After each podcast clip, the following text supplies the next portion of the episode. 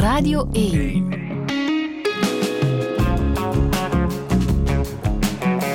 Douche. Met Friede Lesage. En met Alfons van Steenwegen. Goedemorgen. Goedemorgen. Hoe gaat het? Wel, heel goed. Ik voel mij vereerd dat ik hier mag deelnemen aan dit gesprek. En wij zijn blij dat, uh, dat je tot hier kon komen. Je bent um, misschien al jaren met pensioen, maar je hebt jouw werkveld als psycholoog, psychotherapeut en seksuoloog nog altijd niet losgelaten. Hè? Nee, nee. Ik heb uh, in die periode dat ik op pensioen was toch al een boek of drie gemaakt. En waarvan enkele over relaties en enkele meer over levenswijsheid. En nu ligt er weer eentje, hè? verbonden ja. blijven over wat je kan doen om een duurzame liefdesrelatie te hebben die een leven lang kan duren. Hoe lang ben je ondertussen zelf al samen met je vrouw? 52 jaar. Jouw generatie kan dat zeggen, hè? In onze generatie komt dat meer voor, inderdaad. Maar ik was toch verrast dat wanneer ik de cijfers over de bevolking zag, 60% van de paren toch samen blijven tot het overlijden van een van beiden. -hmm, ja. Um, als ik zeg dat jij de man bent van liefde is een werkwoord, dan gaat er bij veel mensen nog altijd een belletje rinkelen. Daar ben je echt ja, zelfs wereldberoemd door geworden, mag ik zeggen. Het is ondertussen al 35 jaar geleden dat je dat boek hebt geschreven. Ja. En nog altijd ligt het in de boekhandel. Het ligt nog altijd, het heeft continu in de boekhandel gelegen tot ja. nu. 49ste druk ondertussen. 49ste druk. 150.000 exemplaren in 12 talen vertaald. In 12 talen, inderdaad. Waaraan ligt dat succes, denk je? Dat ligt natuurlijk voor een groot deel aan de inhoud van dat boek. Ja, het was nodig. Het was nodig, inderdaad. En um, het boek is eigenlijk ontstaan uit een therapieprogramma. Mm -hmm. En dat was een origineel therapieprogramma voor paren die drie weken lang residentieel bij ons waren. Dat wil zeggen, daar ook verbleven, behalve in het weekend, dan gingen ze naar huis. En die kregen een programma dat bestond voor een deel uit verwerven van informatie, onder ons zouden we zeggen lessen. En dan anderhalf uur therapie per paar bij twee therapeuten, waarbij dan het paar specifiek op hun eigen problemen inging. En er waren daar ook trainingen bij in onderhandelen. Bijvoorbeeld een hele middag onderhandelde met één paar over één punt in aanwezigheid van de anderen die daardoor leerden hoe je kunt een verschil oplossen, bijvoorbeeld. Maar op basis van die gesprekken die je toen had, is jaren later dat boek gekomen. Ja, dat Liefde boek, is was, een werkwoord. Ja, het was een beetje de, ja, je zou kunnen zeggen, de cursus van die drie weken Ja. geweest. En het was dus het resultaat van een collectief. Al de medewerkers hebben sommige van die hoofdstukken gegeven. Ik heb alleen het mogen bijeenschrijven, zou ik zeggen. Ja. En dat boek was 150 keer verteld voor het gedrukt werd. Ja. En ik denk dat dat ook heeft bijgedragen tot het succes van het boek. Het heeft allicht ook bijgedragen tot het feit dat u de peetvader van de relatietherapeuten wordt genoemd. Ja, inderdaad, dan heeft dat natuurlijk zijn weerslag gehad. Maar is dat toch ook- een, toch een eer om, om die eh, titel te dragen? Ja, toch wel. Het, het, het- de titel is natuurlijk een, eh, op zich al heel belangrijk. Hij zegt veel. Liefde is een werkwoord, dat zegt veel. Mhm. Want liefde is natuurlijk veel meer dan een werkwoord. Maar het is ook een werkwoord. Ja, want En nu kennen, we, nu kennen we mensen als Rika Polnet en Ja. Goerle Liekes natuurlijk, Ja. die ook heel veel in beweging heeft gezet. Ja, Maar die komen van uw school. Die komen vanuit het Instituut voor Seksologie uit Leuven. Ja, Ja, ja. Hoe. Zou, hoe zou je jezelf omschrijven? Ja, dat is moeilijk, vind ik hoor. Maar ik denk dat ik een vriendelijke man ben. Ik ben ook een gezinsman, veel meer nu dan toen ik zo hard werkte. Maar nu op pensioen met kinderen en kleinkinderen veel bezig. Dus gezinsman zeker. Ik denk dat ik mag zeggen dat ik een tevreden persoon ben. Dat ik nogal wat geduld heb. Dat durf ik wel te stellen, zo een beetje. En natuurlijk, ja, die relatietherapie, dat heeft mij ook getekend. Hè. Ik ben, ben, en het is ook een stuk van mijn leven geworden. Ja. Hè. Ik hoor alleen maar positieve eigenschappen. Ja, ik, ik, ik, ik heb last om mij eh, eh, negatieve dingen te vinden over mezelf. Misschien heb ik een te goed zelfbeeld. Het kan ook zijn dat dat helpt om positief in het leven te staan. Dat denk ik wel, ja.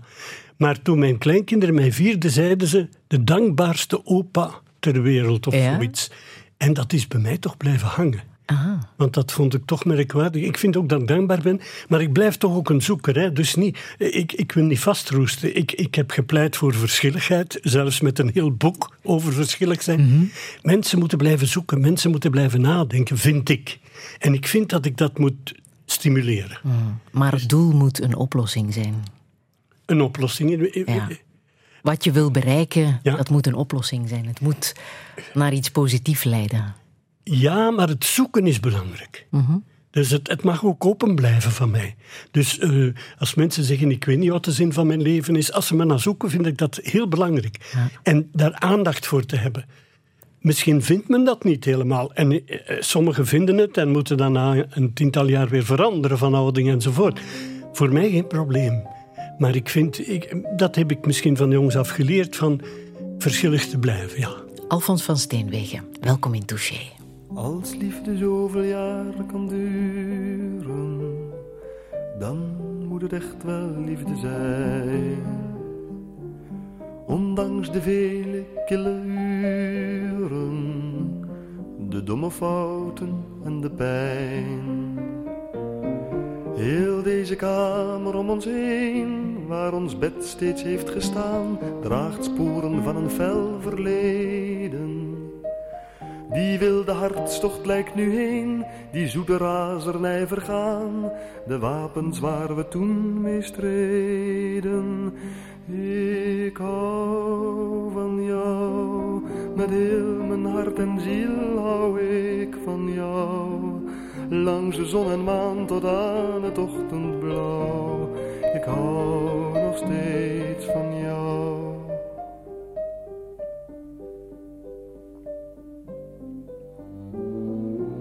Jij kent nu al mijn slimme streken. Ik ken al lang jouw heksenspel. Ik hoef niet meer om jou te smeken. Jij kent mijn zwakke plaatsen wel. Soms liet ik jou te lang alleen. Misschien was wat je deed verkeerd. Maar ik had ook wel eens vriendinnen.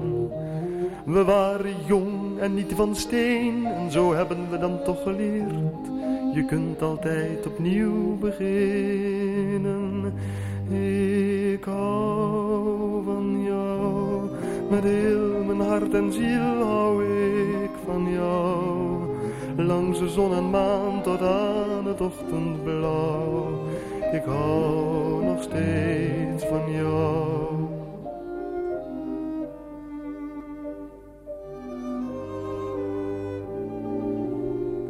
We hebben zoveel jaar gestreden tegen elkaar en met elkaar. Maar rustig leven en tevreden is voor de liefde een gevaar. Jij huilt al lang niet meer zo snel, ik laat me niet zo vlug meer gaan. We houden onze woorden binnen. Maar al beheersen we het spel, één ding blijft toch altijd bestaan: de zoete oorlog van het minnen.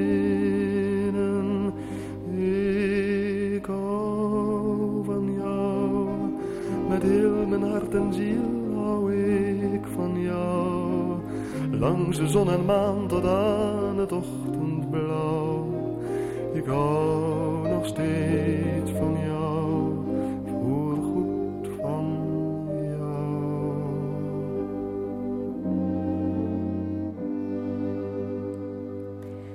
Herman van Veen met die prachtige vertaling door Lennart Nijg van La Chanson des Vieux Amants van eh, Jacques Brel. Misschien wel het mooiste liefdeslied ooit geschreven. De zoete oorlog van het minnen. Ehm, ik zag jou, Alfons van Steenwegen, zeer bevestigend knikken bij het hele lied. Bij het hele lied Zit er veel waarheid in? Ja, er zit heel veel waarheid in. Ehm, het maakt het beeld van een relatie realistisch, doordat er ook een aantal minder aangename dingen vermeld worden die deel uitmaken van elke relatie. Zoals? Ja, het feit dat men alles conflicten heeft, die horen er natuurlijk bij, maar dat die dan ook nog uitmonden in, in ruzies eventueel en nog wat meer. Eventueel die ontrouw die je ook even vermeldt en uh, ook de strategie die partners hebben. De een met de huilen en de ander met de roepen om, er, om elkaar te lijf te gaan. Ik, ik vind het ook heel, heel mooi en de vertaling is beter dan het origineel, vind ik, van Brel. Ja, ja. Het is een bijzondere vertaling, hè? Ja, Lennart ja. Nijg, om hem nog maar eens te noemen. Ja. Je hebt je veertiende boek geschreven, Ja. Verbonden blijven. Waarom wou je daar nog een boek over schrijven? Wel, ehm, oorspronkelijk was mijn idee. Ik werd getroffen door het feit dat in onze maatschappij heel veel dingen uit elkaar vallen. Uh, de verbondenheid in het algemeen komt voor in politieke slogans en in vakbondstermen. Maar in de maatschappij zelf is het zo dat zowel, ik zal maar zeggen, het dorpsleven als uh, de vriendenkring, als de wijk, allemaal nogal versplinterd zitten. Dus verbondenheid, dat was het idee van waarvan ik vertrok omdat we die kwijt zijn gespeeld. Omdat we die volgens Putman zijn we die kwijt. En ik denk dat dat waar is, in, in, in grote mate zelfs. Zodat een aantal dingen, verenigingen en zo, ophouden met te bestaan enzovoort. Maar toen stelde ik vast dat, wat de maatschappij betreft, ik niet bekwaam ben om een boek te schrijven over de verbondenheid in de maatschappij als geheel. Ik kan mij maar houden bij mijn specialisme. En dat is het samenlevende paar. Dat is één reden. De tweede reden was dat ik toch het volhouden binnen een paar een punt vind. Er zijn toch nogal wat mensen die uit elkaar gaan, ook veel jongeren, waarvan ik vind dat het misschien een beetje, ja, dat ze misschien een beetje te gemakkelijk of te snel uit elkaar gaan. En ik was ook onder de indruk van de spijtoptanten. Spijtoptanten noemen wij degene die na scheiding eventueel een nieuwe relatie beginnen, en dat, dat kan redelijk goed lopen, en dan tot de vaststelling komen dat het alles bij elkaar toch niet zoveel verschilt van het vorige. En een derde reden is eigenlijk dat bij scheiding, uh, scheiding bij kinderen is toch echt een probleem. En, en, dus wou ik de nadruk leggen op het samen blijven als wil. Mm -hmm. Omdat dat toch beter is? Om, ik denk dat het beter is. Ik, ben, ik denk dat we op lange termijn, je moet dus ook denken aan de single op leeftijd bijvoorbeeld. Een koppel op leeftijd kan elkaar nog goed ondersteunen. Mm -hmm. Ik heb het geluk om dat nu zelf te ondervinden. Maar vele mensen uit mijn omgeving, degenen die alleen vallen, dat is toch een punt. Wat je ook schrijft in dat boek is dat 75% van de koppels echt wel geholpen zijn bij relatietherapie. Het helpt om te leren communiceren. Is dat wat je leert bij een relatietherapeut?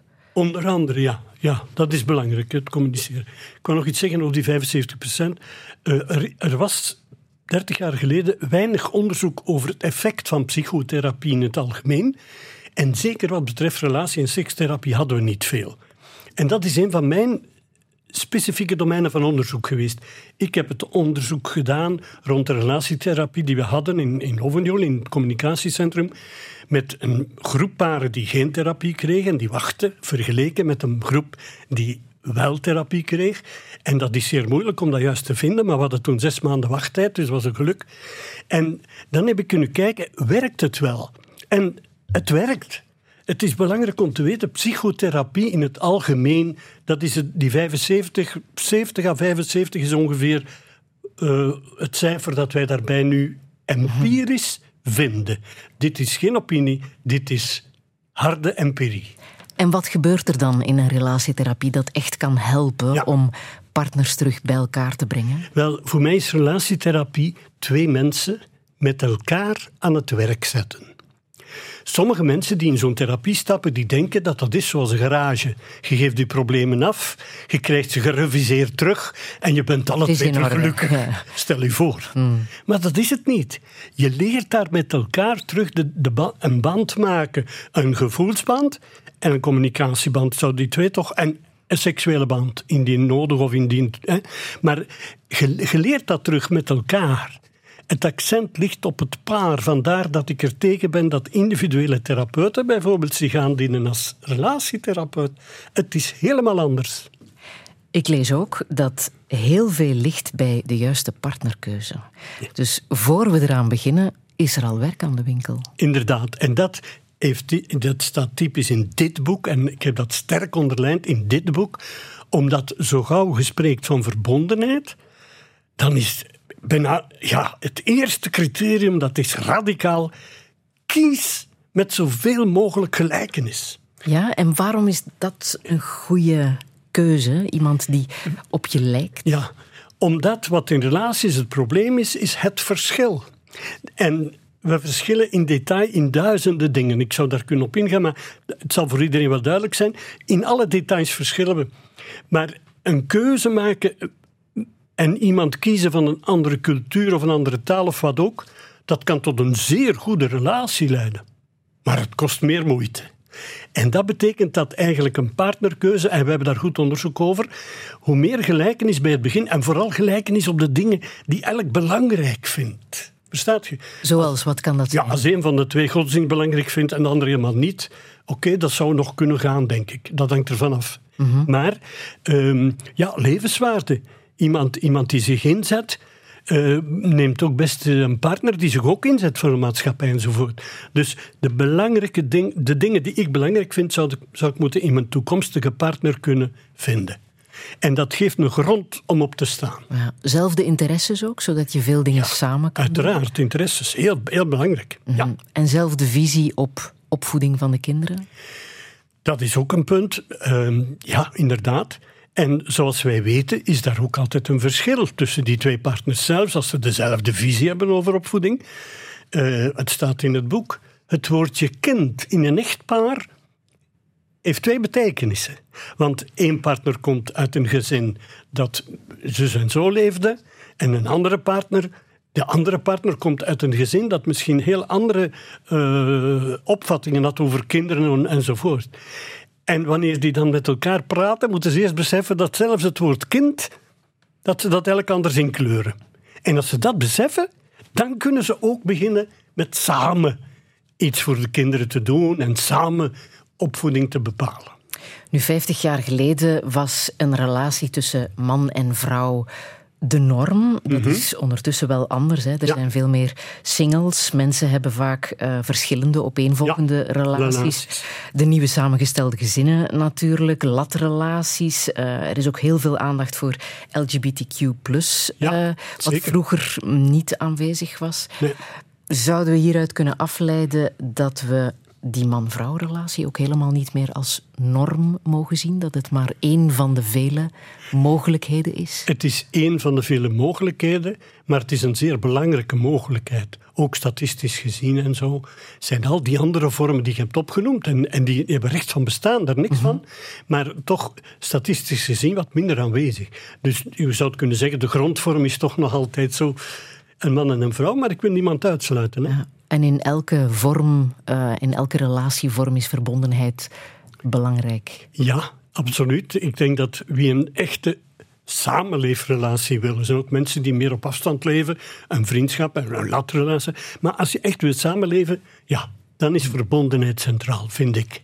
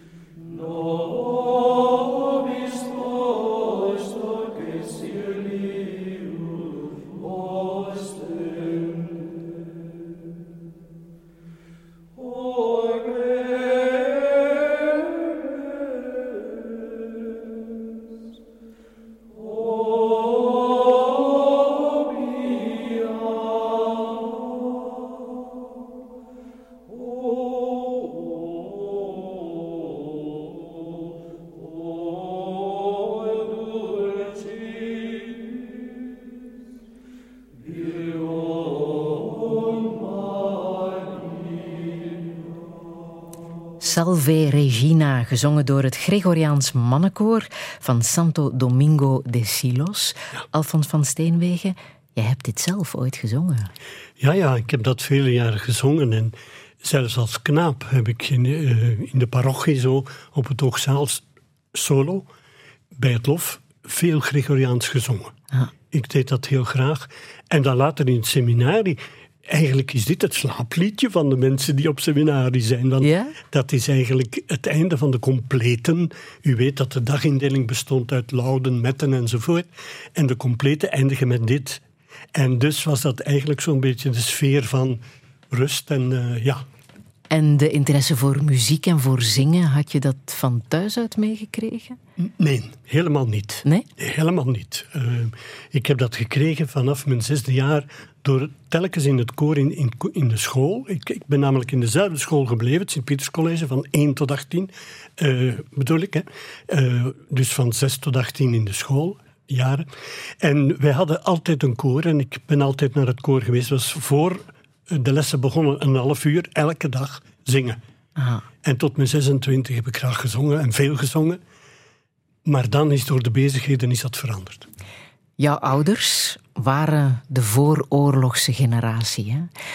Weet je hoe zij een koppel zijn geworden? Weet jij dat? Uh, ze zijn elkaar in de buurt, in dezelfde buurt tegengekomen.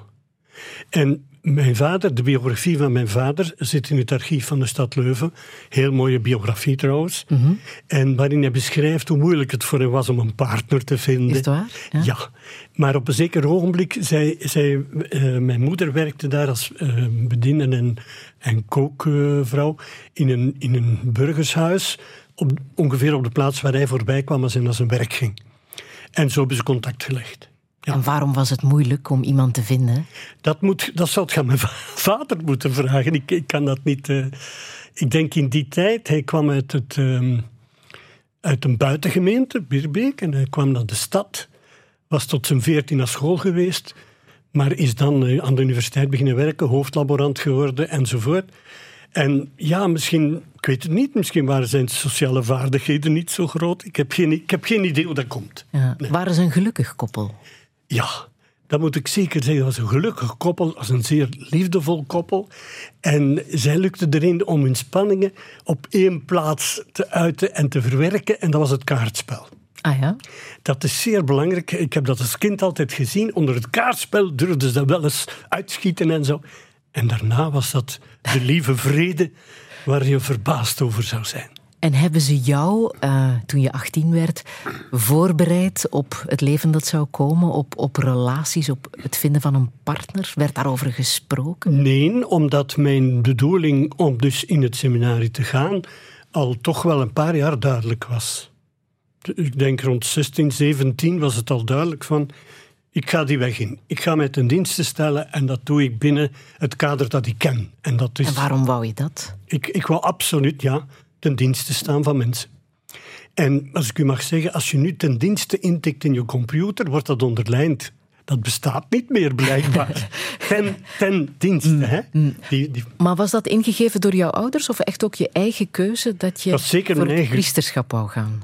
Ja, de context, mijn ouders en ikzelf. Het was zeker geen... geen uh, nee, het was een vrije keuze van mij. Absoluut, ik wou dat ook. Mm. Je hebt ook echt het seminarie in Mechelen ja, gedaan, hè? ik heb het Theologie, gedaan en ik heb filosofie. dat graag gedaan. En ik vond de filosofie vond ik geweldig. Dat, daar heb ik mij kunnen in uitleven. We konden toen zelfs de auteurs lezen die ter sprake kwamen. Natuurlijk, was bijvoorbeeld Gabriel Marcel, heb ik zo leren kennen, en nog anderen.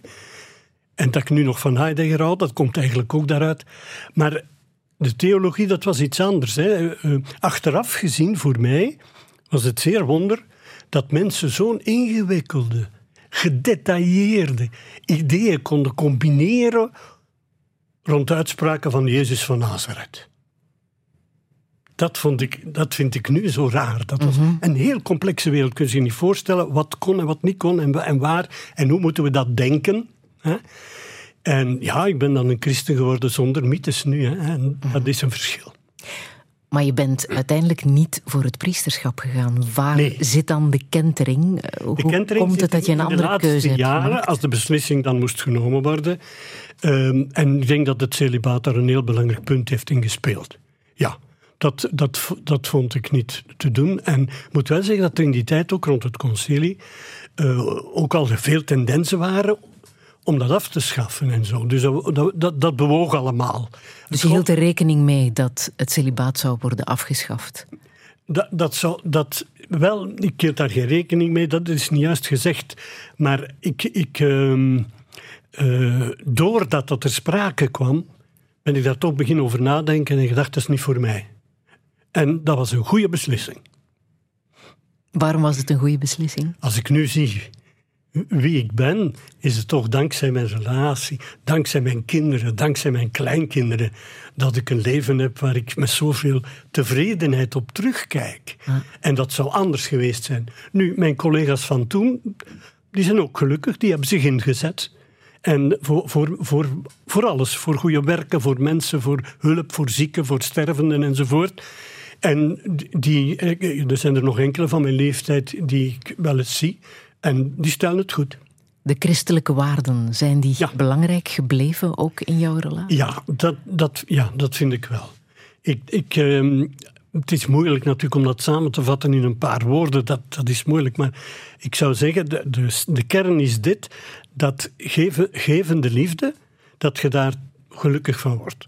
Maar gelukkig is een moeilijk woord dat ik liever niet gebruik. Gelukkig ben je soms. Het druppelt uit de hemel, geluk. Maar tevredenheid kun je maken. En daarom zeg ik, gevende liefde maakt tevreden. En dat is de kern van die christelijke waarden.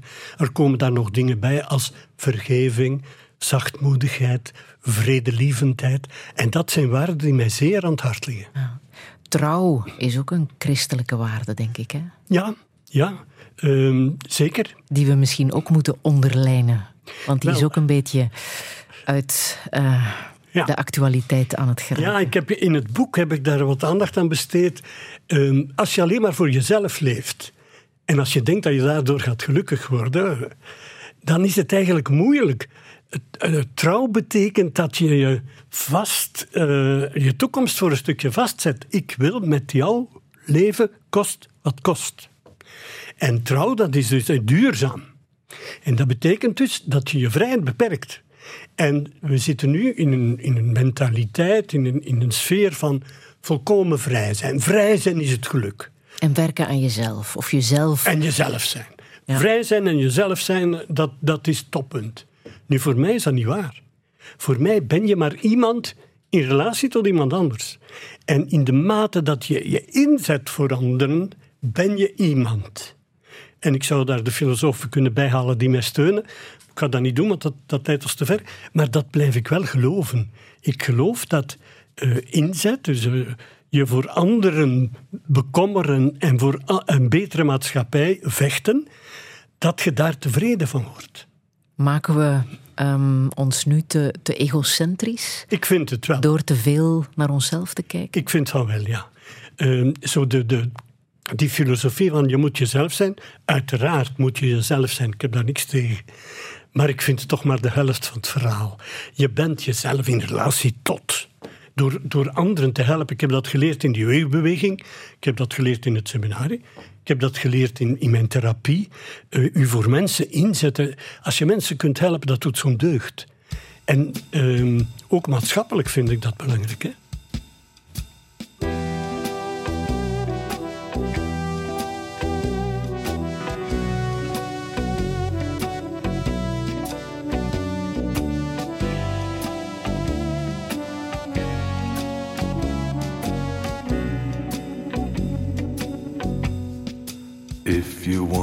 Lover, I'll do anything you ask me to.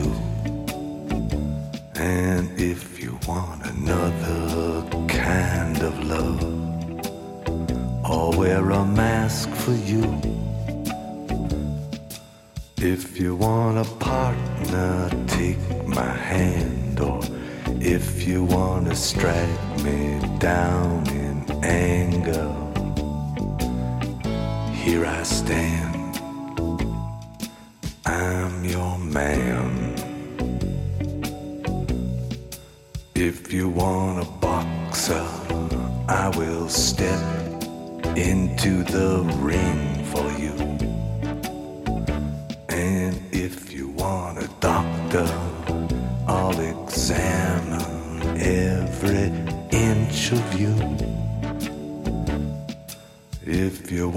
A driver, climb inside. Or if you want to take me for a ride, you know you can. I'm your man. Are the moons too bright? The chains too tight?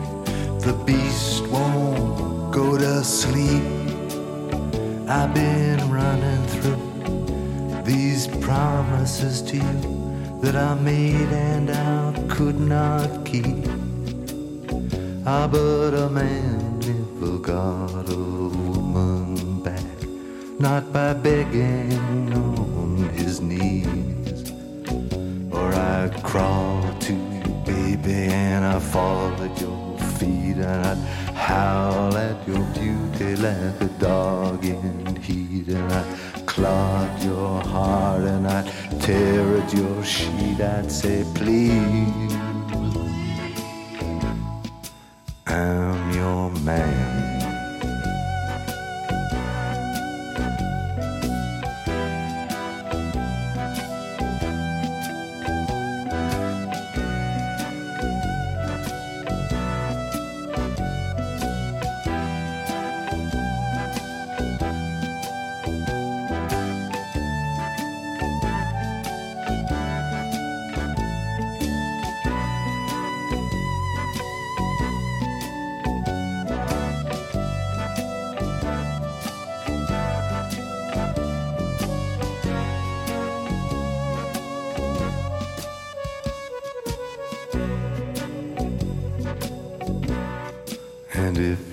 you got a sleeper moment on the road, I will steer for you.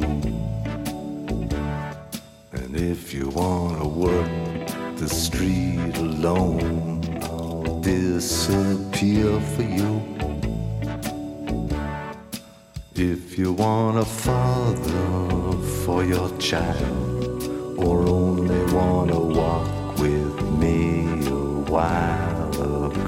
bastı.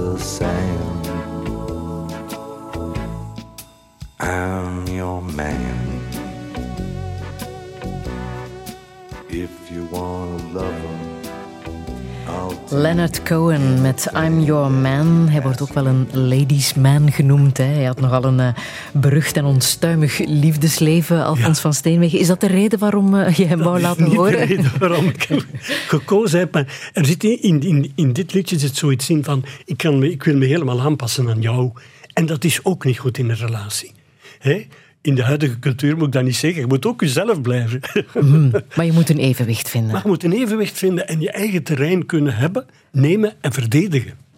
Het is een nummer uit 1988, heel toevallig het jaar waarin Liefde is een werkwoord voor het eerst is verschenen. Ik zei het al, nog altijd in herdruk. Ondertussen 150.000 exemplaren die de toonbank zijn eh, overgegaan.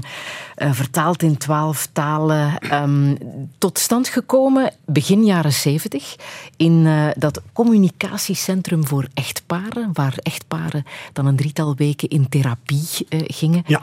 Wat een prachtige naam is dat. Een communicatiecentrum voor echtparen. Dat Ja. het ooit is opgericht. Ja, dat was toen volkomen origineel. Zowel het, dat het voor echtparen was, als de sekstherapie erin aanwezig was, Master en Johnson. Het, was eigenlijk te danken aan Johan Verhulst, een dokter, een psycholoog, die in de States eh, een aantal dingen had geleerd en onder andere een school voor gedragsverandering had gezien. En hij wou voor echtparen een school oprichten, in zekere zin, met lessen en oefeningen enzovoort. En dat is dan dat communicatiecentrum geworden, waarbij mensen in de voormiddag bijvoorbeeld een, aantal, een, een stuk informatie kregen en dan hun eigen therapie per paar. Want het was geen groepstherapie. Dat is heel belangrijk. Het was geen groepstherapie. Het was input van informatie. Niet dat ze elkaar gingen uh, therapeutiseren, dat was mm. niet de bedoeling. Maar ze kregen anderhalf uur therapie per dag bij twee therapeuten, want dat was toen de gewoonte, twee therapeuten. En uh, toen hij dat wou oprichten, um, kreeg hij van de directeur van de kliniek maar toelating als het twee echtparen zouden zijn die de leiding zouden nemen. En hij met zijn vrouw was het ene paar. En zo is mijn vrouw dan ook, want zij was al aan het werk, als enige universitair trouwens, in de personeelsdienst van de universiteit, um, is mijn vrouw dan overgeschakeld naar relatietherapie. Hè, omdat ik dan, dat we dan met ons tweeën dat centrum hebben kunnen doen.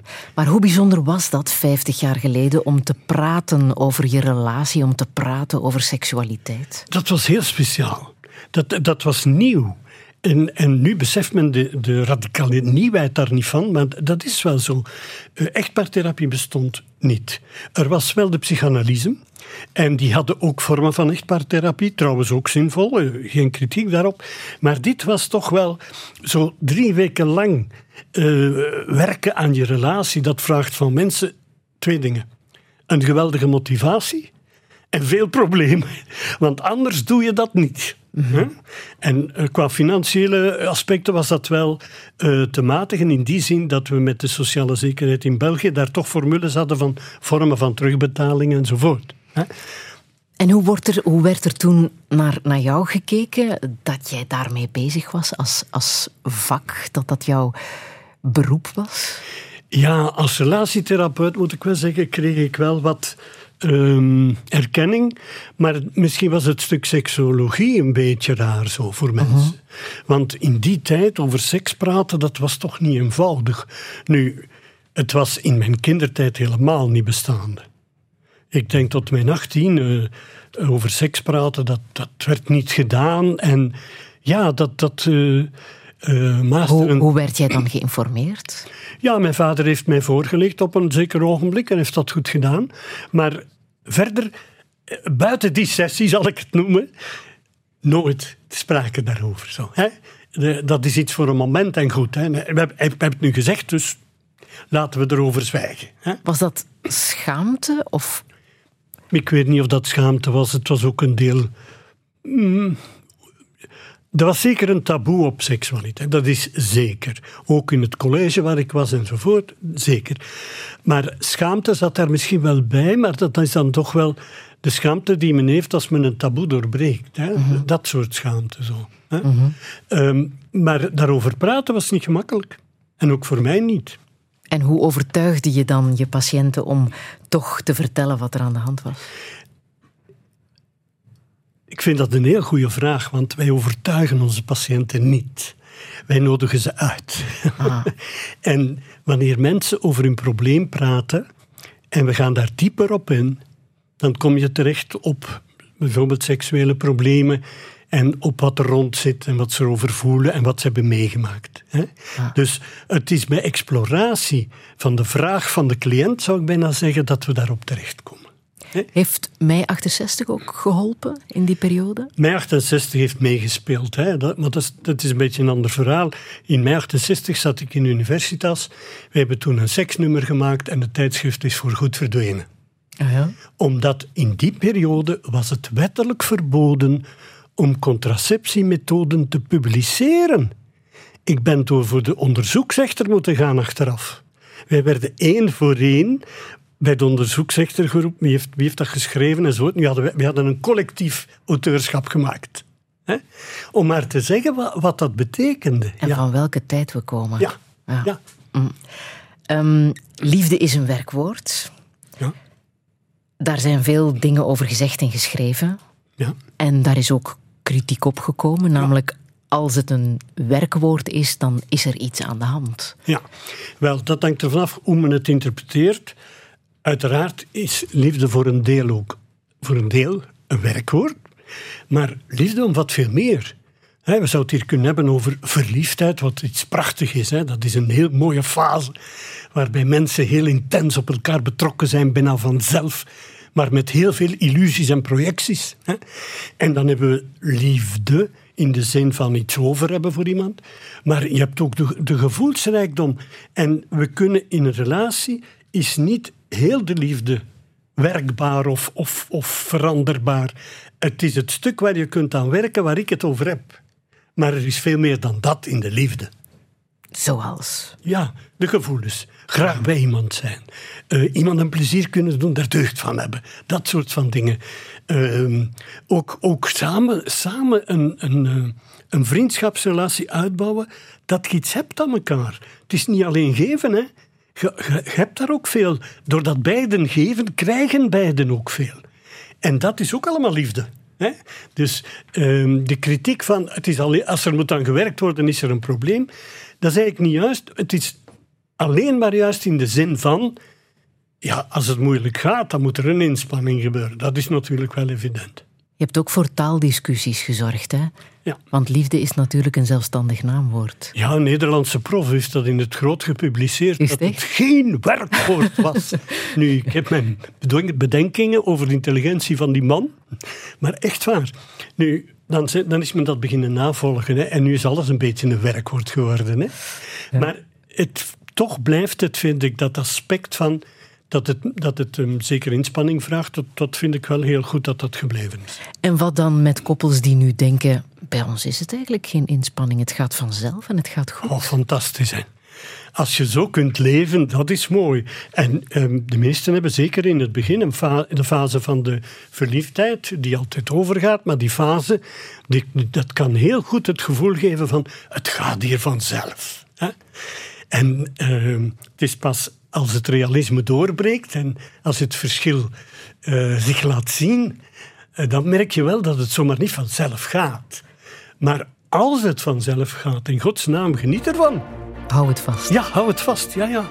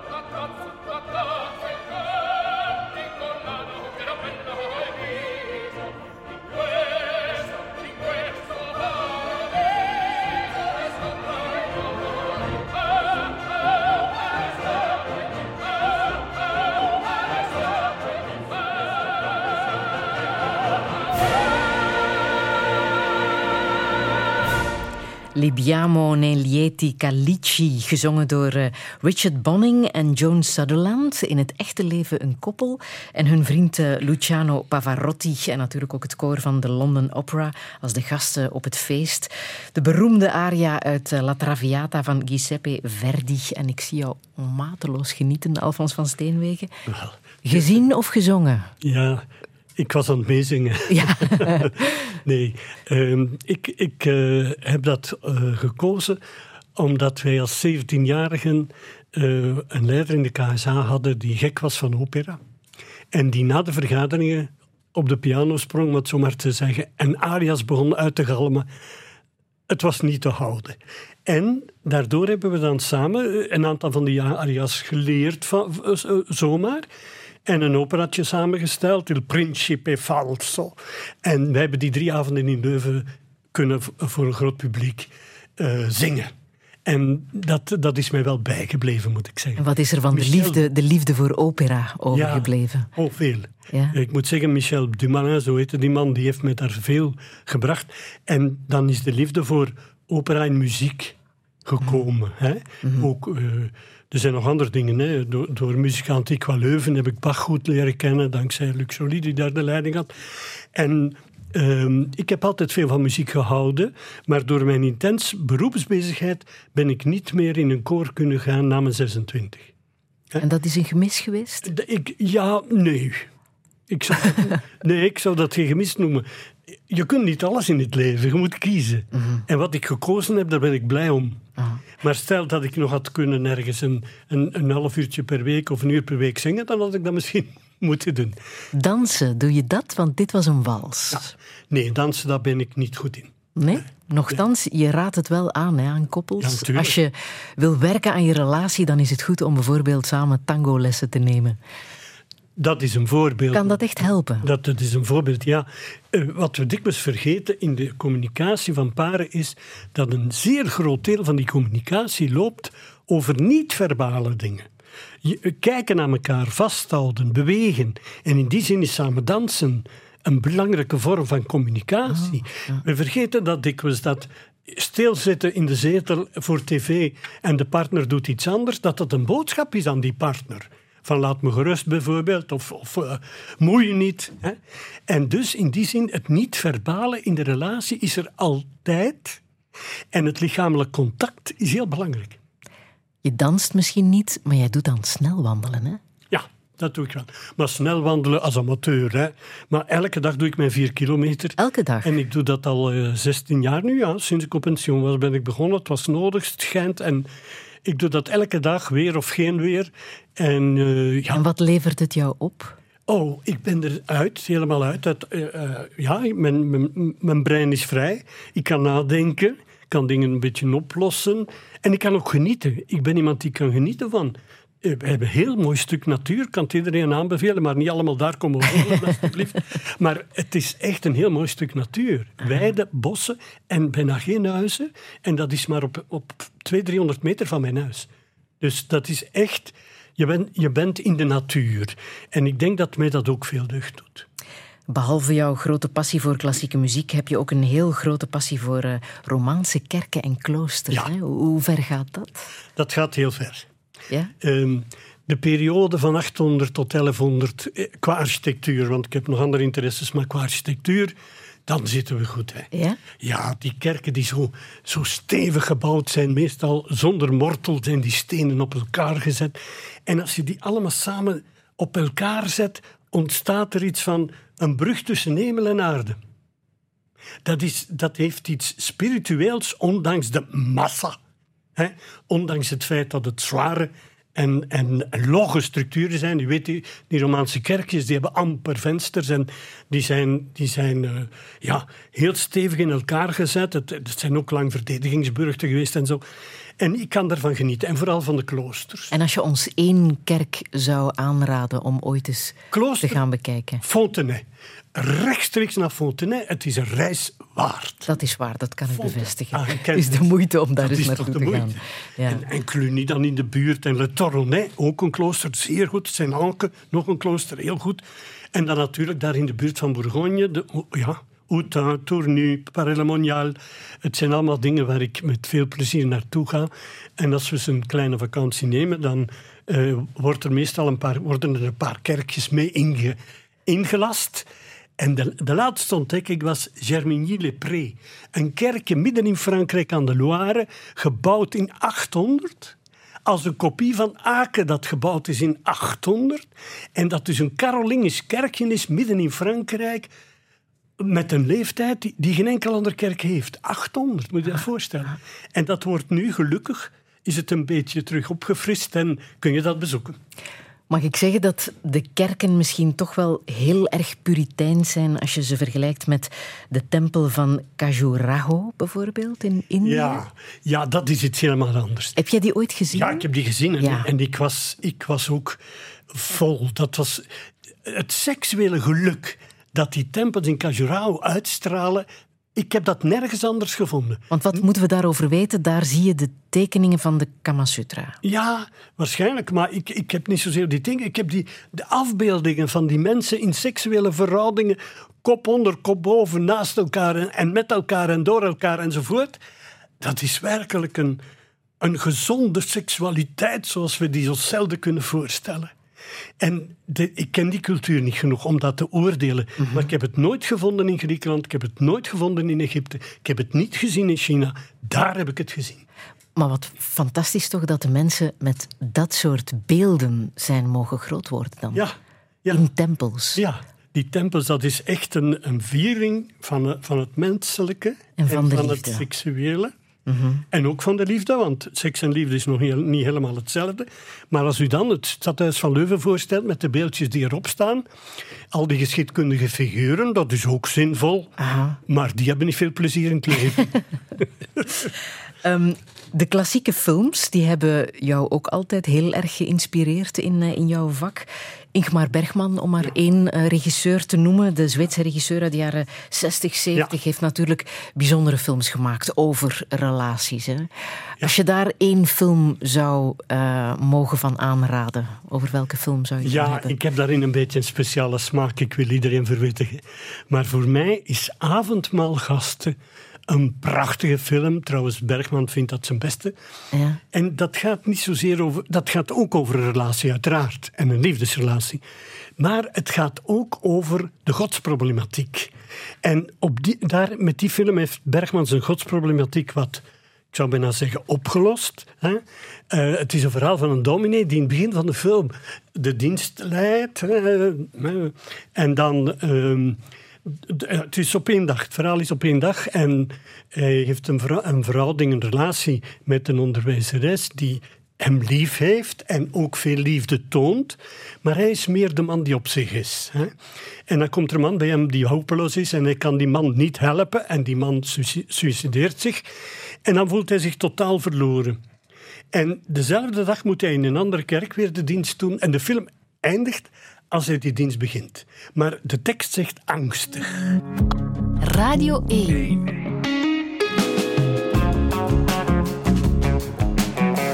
Douche. Met Friede Lesage. En met Alfons van Steenwegen. 35 jaar geleden verscheen zijn bestseller Liefde is een werkwoord. Het boek dat hem in ons land tot pionier van de relatietherapie bombardeerde. Ook al is hij al jaren met pensioen, de liefde houdt hem nog steeds aan het werk. Want wat we missen in deze tijd is verbondenheid. Hoe zorgen we ervoor dat onze relatie duurzaam blijft? En hoe doet hij dat zelf als partner, vader en grootvader? Dit is Touché met Alfons van Steenwegen. Een goede middag. Als de liefde niet bestond, zullen ze stilstaan, de rivieren en de vogels en de dieren als de liefde niet bestond. Als de liefde niet bestond, zou het strand de zee verlaten. Ze hebben niets meer te bepraten, als de liefde niet bestond. Als de liefde niet bestond, zou de maan niet langer lichten. Geen dichter zou meer dichten, als de liefde niet bestond. Nergens zouden bloemen staan en de aarde zou verkleuren over alle gesloten deuren en de klok zou niet meer slaan. Als de liefde niet bestond, dan was heel de vrijerij bedorven. De wereld was gauw uitgestorven als de liefde niet bestond. Als de liefde niet bestond, zou de zon niet langer stralen. De wind zou niet meer ademhalen. Als de liefde niet bestond. Geen appel zou meer rijpen, zoals eens in het paradijs. Als wij elkaar niet meer begrijpen, dan is de wereld koud als ijs. Ik zou sterven van de kou en mijn adem zou bevriezen als ik je liefde zou verliezen. Er is geen liefde zonder jou.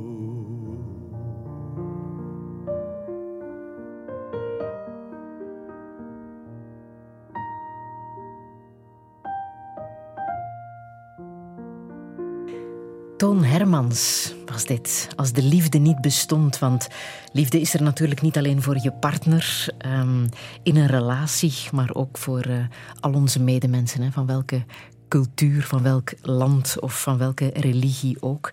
Alfons van Steenwegen, de oorlogen in Gaza en Oekraïne. Hoe volg jij dat, dat nieuws? Ja, met afgrijzen. Ik vind het verschrikkelijk. En ik voel me zoals velen waarschijnlijk heel onmachtig om daar iets aan te doen. En toch komt het altijd opnieuw. Hè. Ik had gedacht dat ik mijn leven rond zou zijn zonder oorlog. Ik was als kind, heb ik het meegemaakt, maar ik dacht, ja, nu zijn we in een periode van honderdjarige vrede. Maar dat is dus niet. Hè. We hebben Oekraïne, we hebben Gaza. Hè. Mm Jij bent geboren in de zomer van 1941, een echt oorlogskind. Ja. Weet je wat er toen in die eerste jaren gebeurd is? Uh, Wel, wat werd verteld? Ja, het, het, het, is natuurlijk zo. De eerste twee, drie jaren heb je weinig herinneringen. Maar wat ik zeker me herinner is dat toen de Duitsers zich terugtrokken uit Leuven, hebben ze alle bruggen over de Dijlen opgeblazen. En ons huis stond naast zo'n Dijlenbrug en ons huis was weg. Het was drie vierde op de grond, dus helemaal weg. En mijn vader en wij, ons gezin was op dat ogenblik buiten de stad uit angst voor uh, wat er kon gebeuren. Wij waren bij familie in, in uh, ik maar zeggen, op de buiten. En mijn vader reed met zijn fiets terug naar zijn werk, komt daar voorbij en ziet dat zijn huis weg is. Maar gelukkig hebben wij toen van de universiteit twee labokamers gekregen om in te gaan leven. Dat betekent ik, mijn, mijn broer en mijn ouders. Dus met vieren hebben wij dan drie jaar lang geleefd. Als, een beetje als vluchteling zou je kunnen zeggen. De term was toen, is een interessante term, geteisterden. De geteisterden werden opgevangen. En we hebben dan geleefd in een, eigenlijk een prachtige college van de KU Leuven, maar uh, in twee labokamers. En boven ons was er ook nog een gezin dat daar woonde in twee kamers. En recht over ons ook nog. En we hadden één binnenkoer van het college. Hè? En die binnenkoer, dat herinner ik me zeer goed, daar, daar speelden wij dan. Maar dat kunnen we ons niet voorstellen, hè? dat jouw vader met zijn fiets langs zijn eigen huis passeert en ja, het was, is weg. Ja, en dan uh, het leven in, de, in, in die gesloten, ik zou bijna zeggen, die mhm. gesloten ruimte. En misschien is het vandaar dat ik dus ook graag kloosters bezoek enzovoort. Uh Want ik ben dus eigenlijk groot geworden. Dat was een pendant van Villers, hè? dus dat college. Hè? Dat trouwens uh, ja, uh, bekend en goed gerestaureerd is nu en tot het archief van Brabant behoort of zoiets. Maar er werd dus wel gezorgd voor de gezinnen die, die uh, slachtoffer waren van, ja. van uh, de Dankzij oorlog. de universiteit hebben wij toen een onderkomen gevonden. Maar alles was weg. Ons huis was stuk. De meubelen, er was niks van de meubelen ook nog bruikbaar, zal ik mm -hmm. maar Mhm. zeggen. En hoe hebben jullie ouders dat, dat ja, beleefd? Wel ja, maar dat is nu natuurlijk het punt. Hè, dat ik zo klein was dat ik die... Hoe Spraken ze daar nog over later? La, maar weinig hoor. Ja? Weinig. Uh, zij, zij, waren, uh, zij waren vooral blij dat ze snel opgevangen waren. Er is dan een soort uh, financiering ontstaan voor de mensen die hun huizen kwijt waren. Mhm. De geteisterden, die kregen dan gemakkelijke leningen of zoiets. En in, na drie jaar hadden wij al een nieuw huis. Dankzij tussenkomst van de staat, veronderstel ik, of misschien terugbetalingen uit Duitsland, dat weet ik niet. Maar eh, het feit dat wij zo leefden. Ik heb een anekdote. Op een zeker ogenblik waren haringen zeer belangrijk onder de oorlog. Dat was een van de voedingsstoffen die men nog kon vinden. En wat was er gebeurd? In de kelder van het eh, college, van, wa- waren die opgeslagen in, in grote vaten met zout en zo. En op zekere dag hadden de ratten daaraan gezeten. En wat was het grote probleem? Zouden we die nu nog kunnen opeten als we ze wassen? Of niet? Want de ratten zijn ermee gaan lopen. Ik herinner me dat heel goed als kind. Ja, maar dat waren de problemen waar mensen mee worstelden. Ja, was- Hoe ja, voeden we onze kinderen? Ja, ja. natuurlijk doordat wij heel klein waren. Ze kregen dan, alles was gerantsoeneerd. En dan kregen ze natuurlijk wel, denk ik, melk en zo meer, omdat ze twee kleine kinderen hadden. Hè. Eh, voor sommige dingen denk ik dat de rantsoenering dan voordelig was. Ja. Dat denk ik. Hoe heb je de, de jaren na de oorlog, want dan was jij een jong kind, hoe heb je Hmm. dat beleefd, de wederopbouw? Ja, dat is heel merkwaardig. Hè? In onze straat waren er twee bruggen opgeblazen en die werden vervangen door houten bruggetjes. En in mijn kindertijd was er dus geen verkeer mogelijk in onze straat. En de kinderen speelden dus tot, s'avonds laat in de straat, want er was toch geen verkeer. Die was onbereikbaar geworden doordat die twee bruggen opgeblazen waren. En als ik dat nu vertel, ik ging naar het conservatorium hè, om eh, muziekschool te doen en piano. Dan liepen wij over twee, drie opgeblazen bruggen die nog jarenlang niet gerestaureerd waren. En dat is een rare sfeer. Het college ook, naast het college was er ook een brug opgeblazen enzovoort. Dus dat is iets wat je niet kunt voorstellen. Maar voelde je je veilig na de oorlog? Of waren er toch Ja. nog angsten? Nee, angst. Ik denk dat ik wel een beetje een angstig kind ben, omdat ik ook de bombardementen heb meegemaakt. En daarin herinner ik me wel dat mijn vader een, een netje maakte boven het wiegje van, van ons zus dan, de derde die geboren is. En wij zeiden om haar te plagen altijd, je bent met de vliegende bommen gekomen. En dan werd ze heel boos, want dat was een verwijt. Hè. Dat is de tijd van de V1 en de V2. En ehm, dan, de, dat, die bombardementen, dat, daar heb ik waarschijnlijk... Ik, ik, ben, ik denk dat ik mag zeggen dat ik toch redelijk angstig ben, ja. Wat, wat weet je daar dan nog van? Ik weet daar niet veel meer van, maar we hadden een, een oom en twee kozijns die in, in, bombardement van Leuven gebleven zijn. eh, in het Geestescollege, het Geestcollege, het Heilige Geestcollege. Die gingen daar vluchten omdat ze dachten we zijn veilig in de kelders. Maar dat is helemaal ingezakt, het is allemaal verstikt en zo. En eh, ja, dat verhaal van de bombardementen van Leuven, dat is een punt op zich. Hè. Ja. Is het het geluid, het, het eh, Ja, de sirene. lawaai, de angst Ja, van de, mens? sirene. Dat herinner ik mij ook. En dat is nog jarenlang na de oorlog. Werd de sirene op donderdag in Leuven, eh, hoe moet je dat zeggen, aangezet. eh, waarschijnlijk voor het onderhoud. Maar ik herinner me goed die sireneklank. hè. En op de muur stond nog, heeft jarenlang nog gestaan, Duitse Kommandatur of zoiets. Ik komt er elke dag voorbij. Dat heeft jaren geduurd eer dat verdwenen is. Ja, maar een Die- angstig kind. Je bent een angstig ik, ik kind denk geworden. dat ik wel een beetje angstig ben, ja. Ja. Heeft het geholpen door eh, naar de jeugdbeweging te gaan en in het koor te gaan zingen? Eh, Ja. Dat groepsgevoel, heeft jou dat gesterkt? Dat heeft me zeker gesterkt, maar ik, ik zat in een speciaal jeugdbeweging. Ik weet niet of, of u zich dat kunt voorstellen. Hè. Wij hadden, dan- dat was de KSA, Katholieke Studentenactie. In, al, in vele colleges bestond dat. Maar bij ons was dat Alcazar. En Alcazar, dat is een, een fort eigenlijk, een brug in Toledo. En dat, het verhaal is het volgende. Ehm, ja, eh, de, de, hoe moet ik dat nu noemen? Franco heeft eigenlijk Spanje veroverd, dat, dat weet iedereen. Ondanks het feit dat er daar een democratisch bewind was. En heeft dat veroverd. En dat noemen we dan ja, de, de Spaanse. Je kunt dat noemen de Spaanse ja, falangisten, zou je het kunnen noemen. Eigenlijk fascistisch. Hè?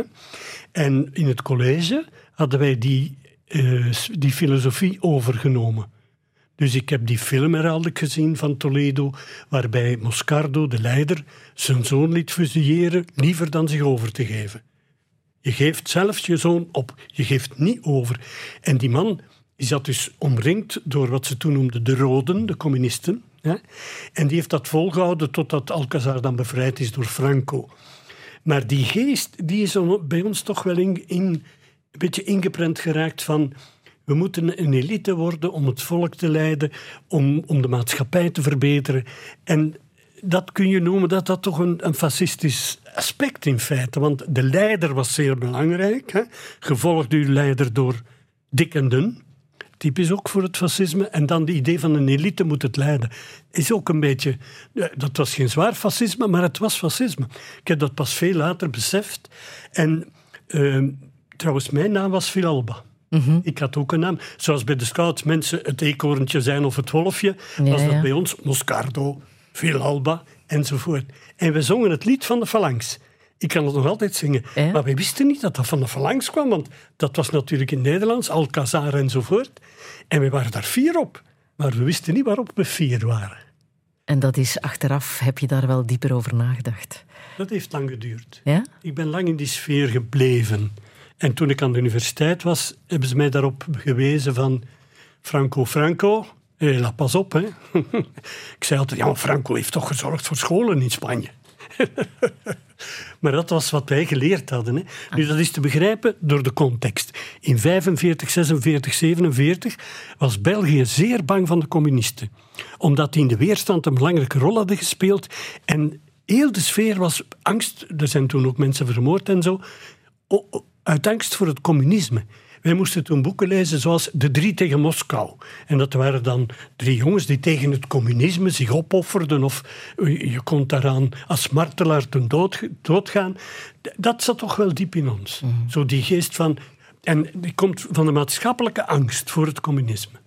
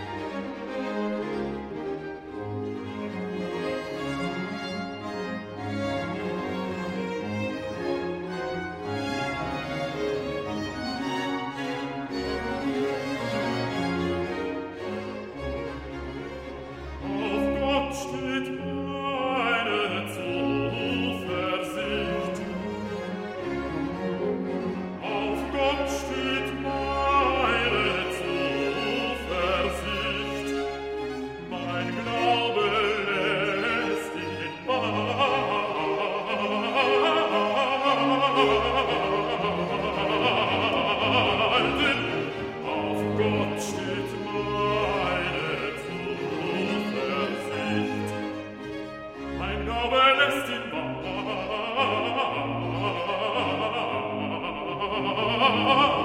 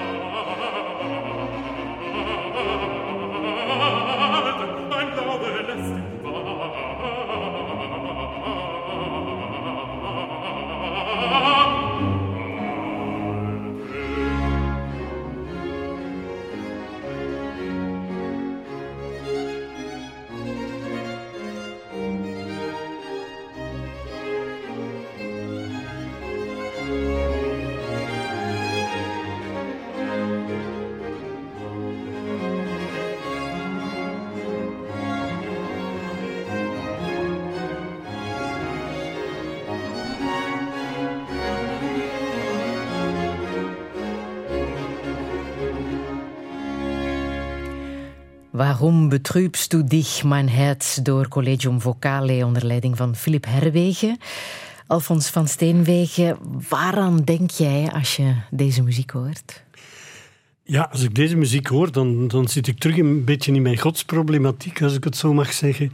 En ik, eh, ik kan alleen maar zeggen, de laatste versen hier, dat ik dan zo wat heimwee heb naar mijn verloren God, zo noem ik dat dan.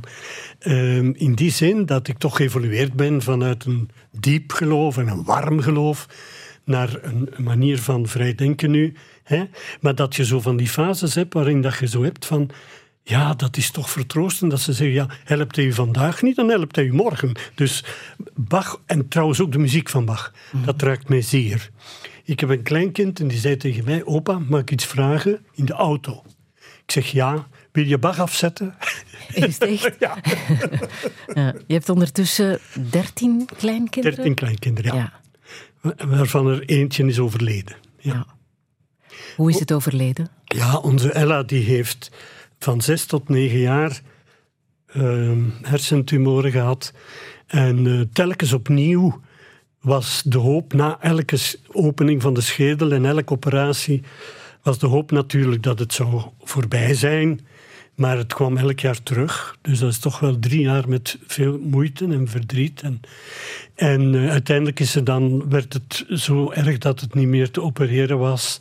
En is zij overleden, onze Ella. Ja. Negen jaar was ze toen. Verstandig kind, lief kind. eh, ze, ze heeft nog twee zusjes, gelukkig maar voor de ouders. Hè, nog twee zusjes. Maar het is toch iets waar wij zwaar door getekend zijn, omdat wij zo het geluk van leven hebben gehad met al die anderen.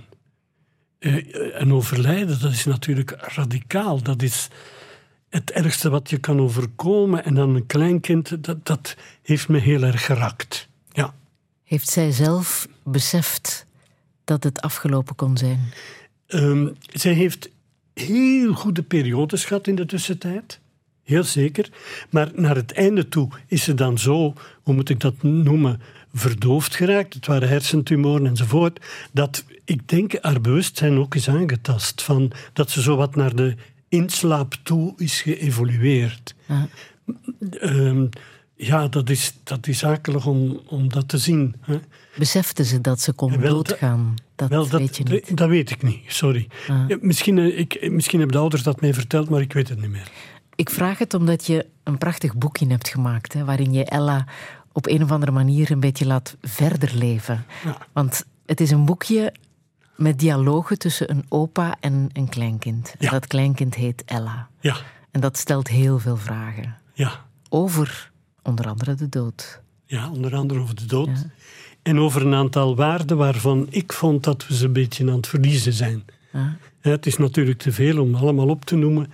Maar eh, we hebben het al over trouw gehad.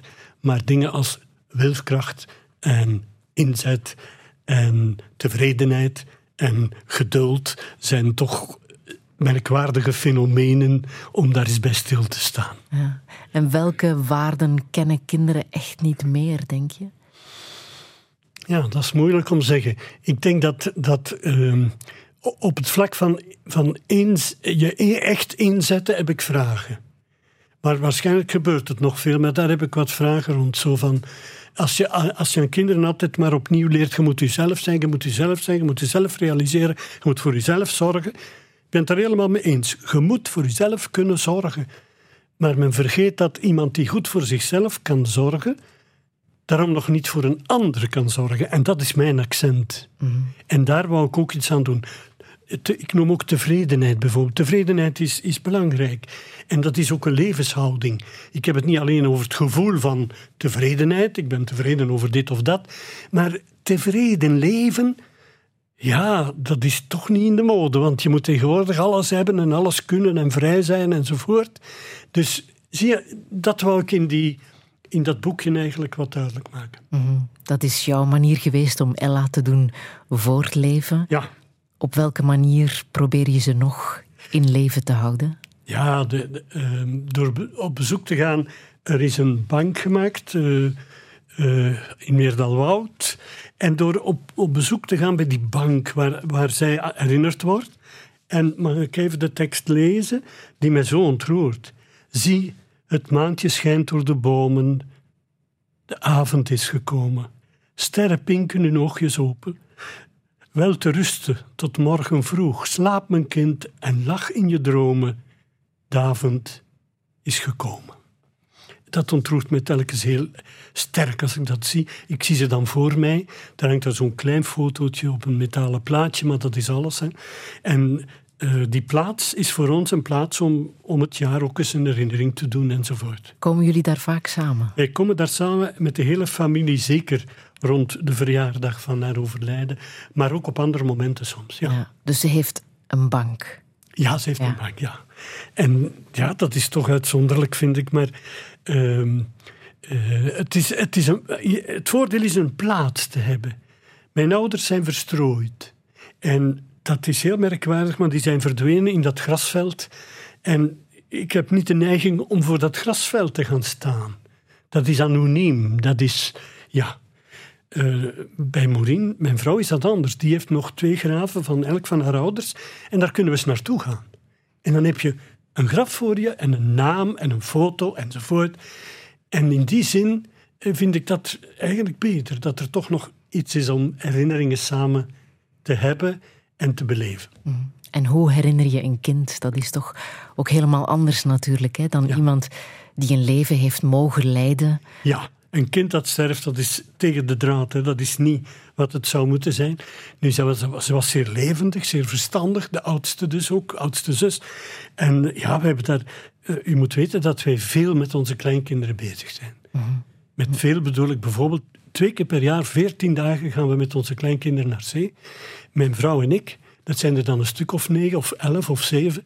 Maar dat is een hele jeugdbeweging die verhuist. Hè. Mhm. En, en dat, is, uh, dat is een inspannende bezigheid, maar wij vinden dat zo rijk. Ja. Nu, een kind verliezen is het ergste wat je kan meemaken. Hoe hebben jouw zoon en jouw schoondochter Ze hebben dat, heel, heel, mooi gedaan. Uh, het was ook een ontroerende viering.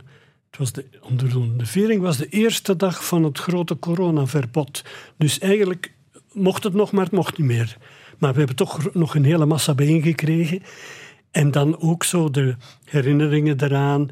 Uh, dan de bank die ze hebben, uh, foto's die we houden, die staan centraal. Hè. En elke foto ziet je opnieuw een beetje leven. The smart man is on moon is in the street, and the shadow boys are breaking all the laws. And you're east of East St. Louis, and the wind is making speeches, and the rain sounds like a round of applause. And Napoleon is weeping in the carnival saloon. His invisible fiance's in the mirror. And the band is going home. It's raining hammers, it's raining nails. It's true, there's nothing left for him down here. And it's time, time, time. And it's time, time, time. And it's time, time, time that you love. And it's time.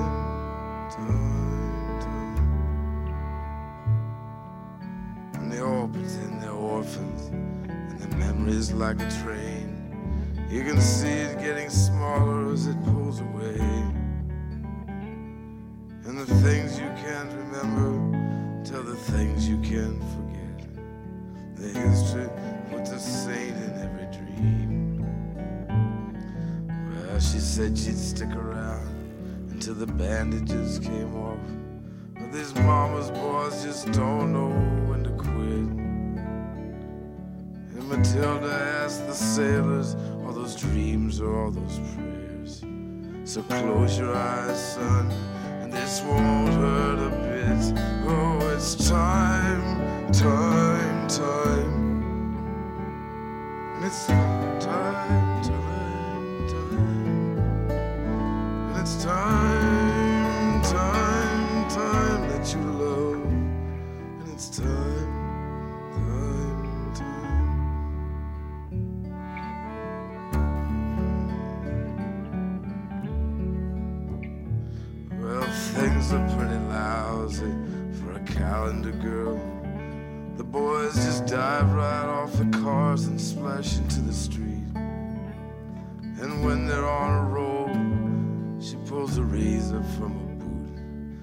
Thousand pigeons fall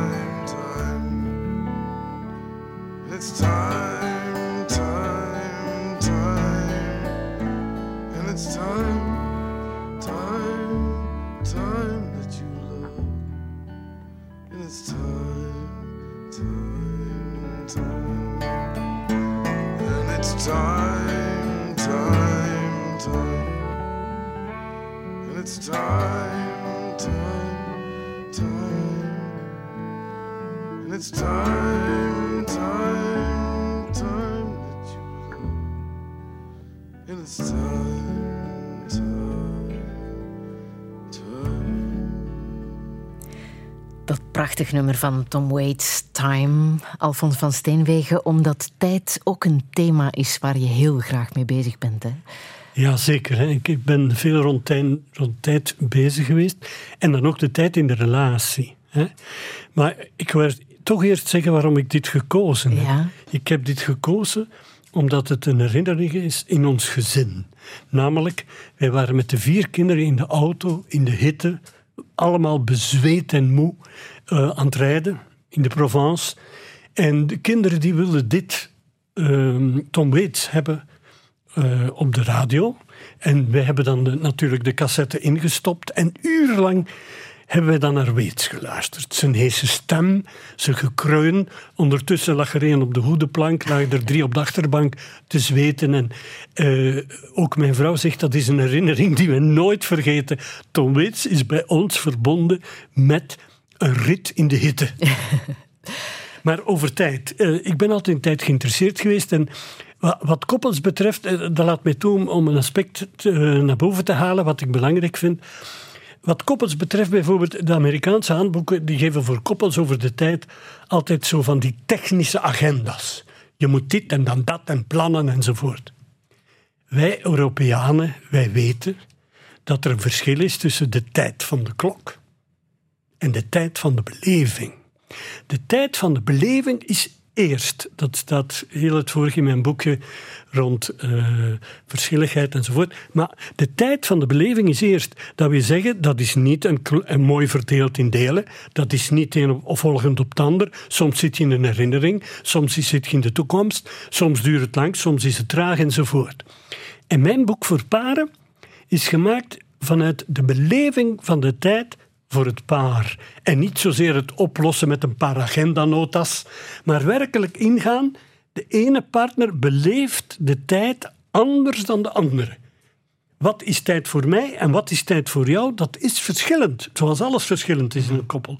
En dat draagt dan bij tot verschillen in planning enzovoort. Maar eerst moet je beseffen, we hebben eigenlijk zelfs onze tijdsbeleving.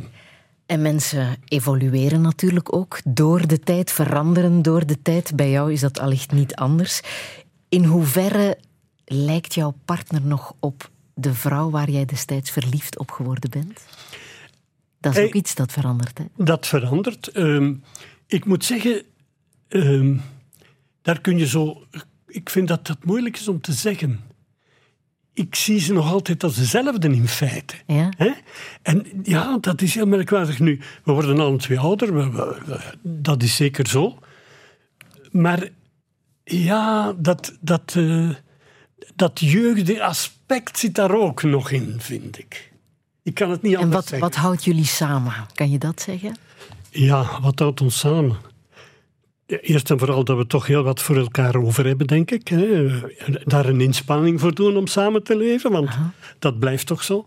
Maar ook, eh, uiteraard, kinderen en kleinkinderen, eh, de dingen die we samen nog kunnen doen, eh, wat wij voor elkaar betekenen, denk toch heel wat.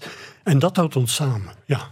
Het ontbijt las ik ook. Ja, wel, u, u, heeft dat goed gelezen, want het stond als een voorbeeldje in het boek, maar ik wist niet dat ik erbij had gezegd dat het over ons ging.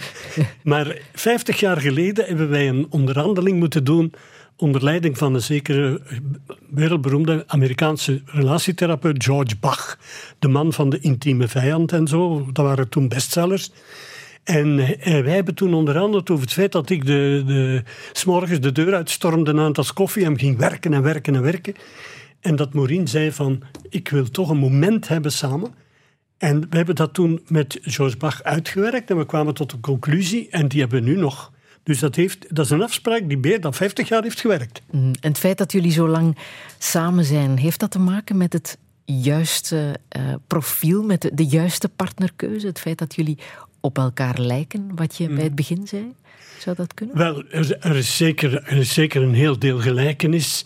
Um, uh, heel, heel, zeker. Maar er zijn ook verschillen. Ik, ik kan dat moeilijk doseren, moet ik zeggen. Mm -hmm. Ja?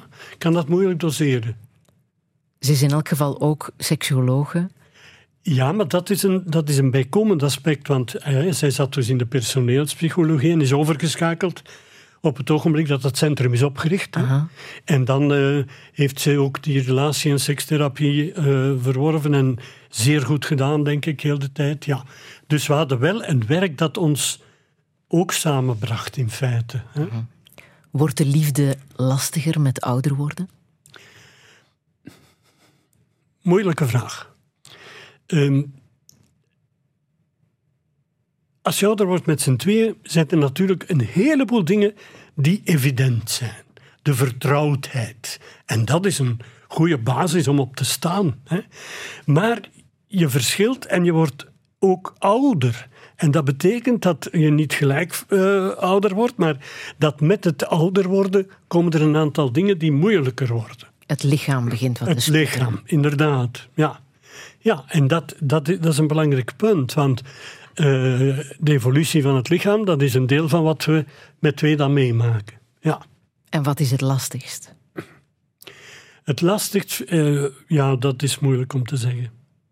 Ik vind dat uh, ik, de beste formulering die ik kan doen is: samenleven met iemand vraagt geduld.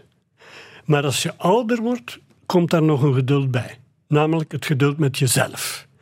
En dus dat betekent dus dat in die zin het niet makkelijker wordt eigenlijk. Natuurlijk, je bent vertrouwd en je speelt in op elkaar, je kunt elkaar voorzien en voorspellen. En dat is een rijkdom. Hè? Lotsverbondenheid is een rijkdom. Maar toch is het zo dat je dan jezelf ook wat meer moet leren verdragen. En hoe blijf je aantrekkelijk voor elkaar op hoge leeftijd? Ja, door de uitwisseling. Door te blijven praten en, en je binnenkant te vertellen. Dat, dat, is het, dat is het belangrijkste criterium, altijd opnieuw.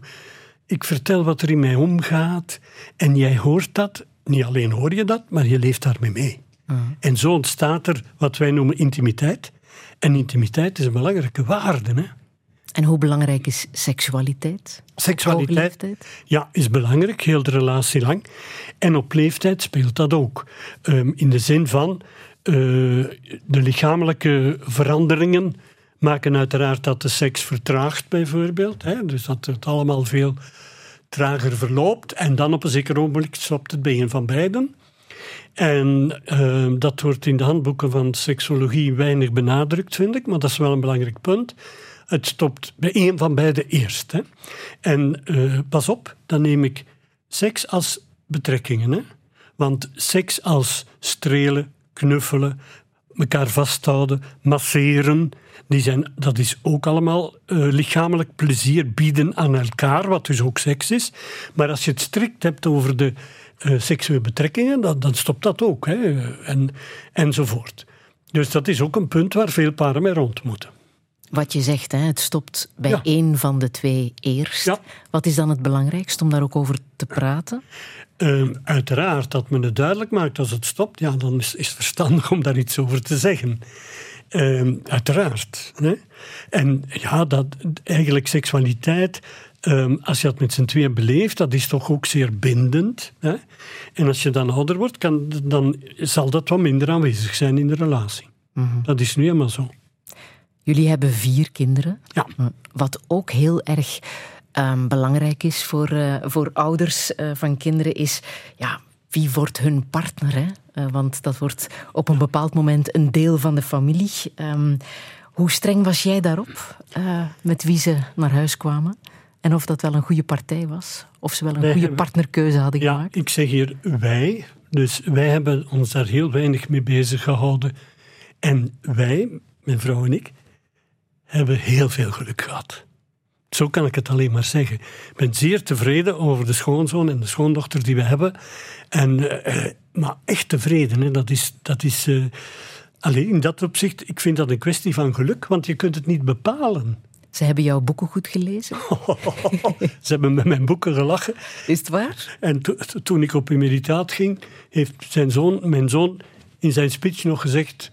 We wisten het al allemaal, wat erin staat. We hadden de Wat- boeken wat- niet nodig. Wat een goed teken is. Ja, Ja. ja. ja. Maar wat natuurlijk de, de zaak wat banaliseert ook. Hè. Maar nee, nee, ik ben heel tevreden in dat opzicht. Heel tevreden. Ik vrees wel dat het bij de derde generatie van Steenwegen fout gaat lopen, want in jouw boek staat ehm, een uitspraak van jouw jongste kleindochter, Emma.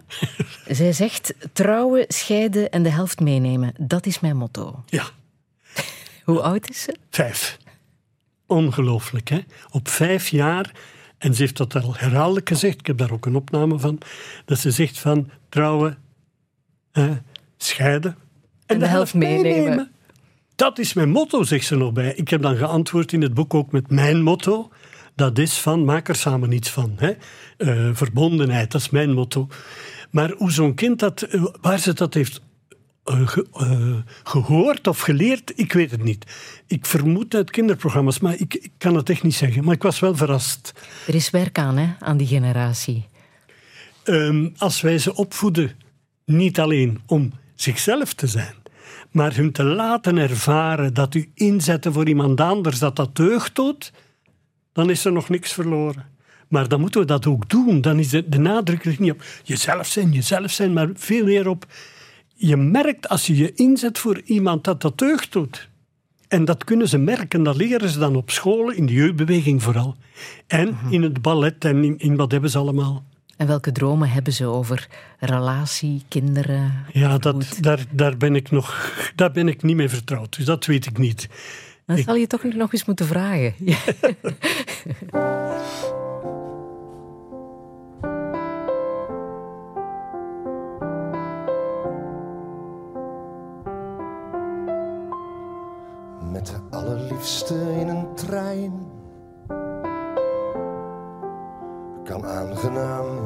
en leerzaam zijn. De prachtig vormgegeven stoel geeft allebei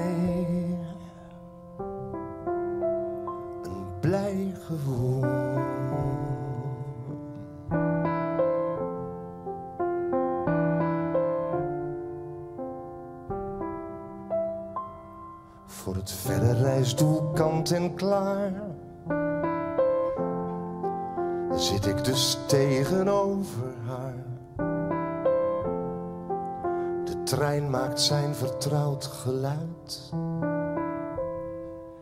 Zij rijdt voor. Ik achteruit. We zien dezelfde dingen wel, maar ik heel traag en zij heel snel. Zij kijkt tegen de toekomst aan, ik zie wat is voorbij gegaan. Zo is de huwelijkse staat. De vrouw ziet wat gebeuren gaat, terwijl de man die naast haar leeft slechts merkt wat zijn beslag al heeft.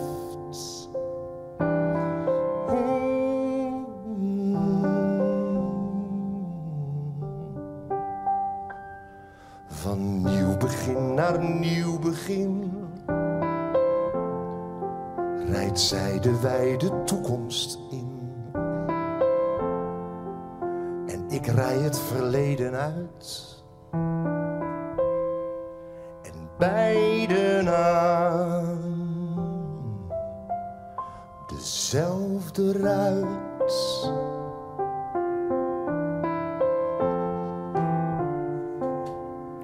Het is een gedicht van Willem Wilming, hier prachtig gezongen door Paul de Munnik. Alfons van Steenwegen, je wou dit gedicht heel graag laten horen. Hè? Het is ook een prachtige gedachte natuurlijk. Ja, het gaat om iets wat centraal staat in elke relatie. We hebben het er vandaag ook al eens over gehad. Het verschil namelijk. Hè? Ja. Zelfs als je samen op reis gaat, de een ziet het komen, de ander ziet het gaan enzovoort. En dat is ook in, in het samenleven is dat overal het geval. En de dichter heeft dat hier op één punt goed samengevat. Dat vind Ja. ik ook, ja. Ja. Kijk jij achteruit of kijk jij eerder vooruit? Ehm, ik stel vast dat ik met de leeftijd waarin ik nu ben, meer en meer achteruit kijk. Dat is een vaststelling. Dat is geen keuze, maar ik stel dat vast. Dat de, misschien is mijn verleden ook al wel zo gevuld dat er wel wat in zit om naar te kijken. Ehm, ja, wat, wat de toekomst betreft, dat is iets anders. De toekomst, ehm, ik, ik zie mijn mogelijkheden afnemen, zowel intellectueel als fysisch. En ehm, daarom wil ik zo, ik zou zeggen, wat, wat, wat ik graag nog wil is in het gezin verder leven, ook met kinderen en kleinkinderen. Wat ik doodgraag doe is lezingen geven, maar men vraagt mij veel minder dan vroeger. Wacht maar na deze touché. Hopelijk, want ik ben klaar, ik sta klaar en ik doe het doodgraag. Want dat is wel wat je zegt, hè. blijf toekomstplannen maken. Ja. Ondanks de leeftijd. Ja, dat staat. Ja, ja, dat Ja. boek. Eh, Maar toekomstplannen ook samen dan. Hè. Dus Ja. een gezamenlijke toekomst is bijvoorbeeld ook de kinderen en de kleinkinderen verzorgen. Mhm. Zoals wij dat ook doen. We, we steken er nogal wat tijd in. Hè. Ehm, ik heb ook gezegd toen u, toen u mij vroeg wat ik echt wil. ehm, dat ik toch nog met vrienden zou willen samenkomen en kleine reizen doen en zo. Maar dat, dat is waarschijnlijk evident. Maar is Maar- dat iets wat je gemist hebt? Nou, Vriendschap? dat, is een, dat is een goed punt. U vraagt daar iets.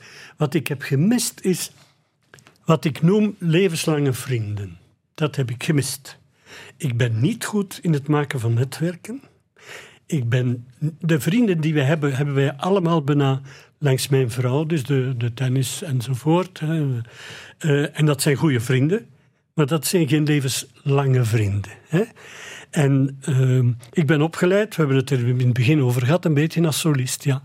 Je moet leren voor jezelf leven. En ik zit heel mijn leven het omgekeerde te prediken. Hè, leef voor een ander, zet u in. Misschien komt dat daar wel uit voort, ja.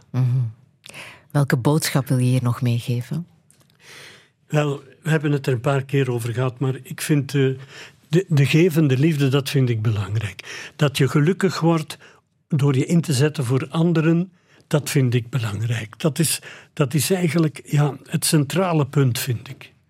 En eh, dat zit in de, in de samenleefrelatie, maar ook de maatschappij. Ik vind dat onze media de mensen wat meer zouden mogen aanzetten tot inzet in de maatschappij. Ik, eh, dat vind ik wel, ja. En eh, eh, ook de, de, het publiek, zal ik maar zeggen, aanzetten om het goede te zien. Ik ben zo verrast dat wij leven op de top van de luxe die ooit in de wereld heeft bestaan. En dat zoveel mensen blijkbaar ontevreden zouden zijn. Ik, ik begrijp dat niet. Ik ben tevreden. En ik zou zeggen, wat is die ontevredenheid dan? Moeten de media ons niet leren dat we eigenlijk in grote luxe zitten? We hebben nog altijd toch vrede. We hebben een welvaart die zeer groot is. We betalen veel belasting, maar zoals mijn vader zei, wees blij dat je veel belasting betaalt, want dat betekent dat je ook een goed inkomen hebt.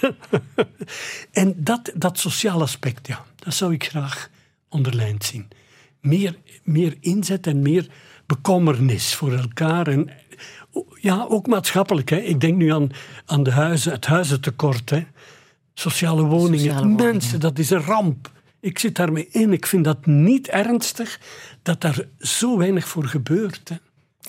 Zullen we nog eindigen met die prachtige liefdesaria uit Orfeo en Eurydice van Christophe Willibald Gluck, hier gezongen door eh, René Jacobs, samen Zeker. met La Petite Bande. Ook zeker, dat is heel mooi. Dat is een mooi einde.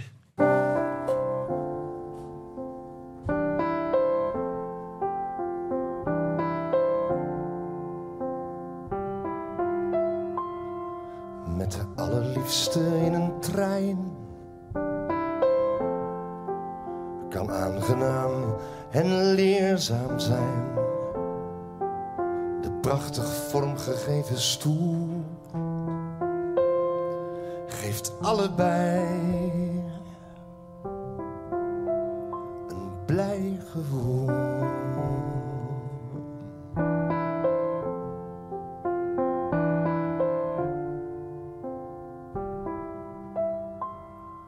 Het verre reisdoel kant en klaar zit ik dus tegenover haar.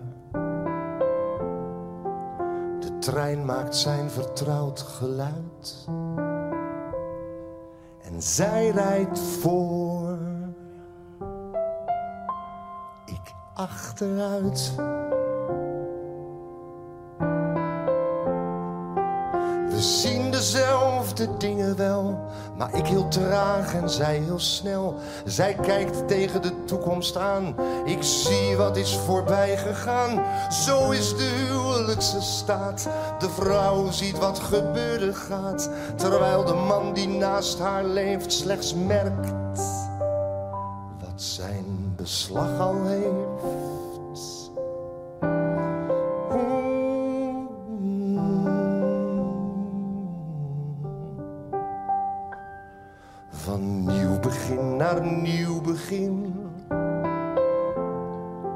Rijdt zij de wijde toekomst in.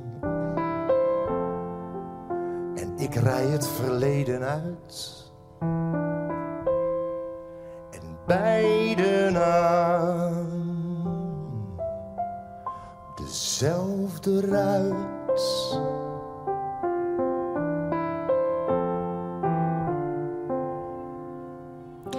Het is toch een van de mooiste liefdesgeschiedenissen ooit geschreven. Orfeo en Eurydice.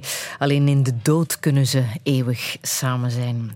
Ik wil jou bedanken, Alfons van Steenwegen. Volgende week komt cartooniste Krostin. Een heel fijne zondag nog. Touché. Radio 1.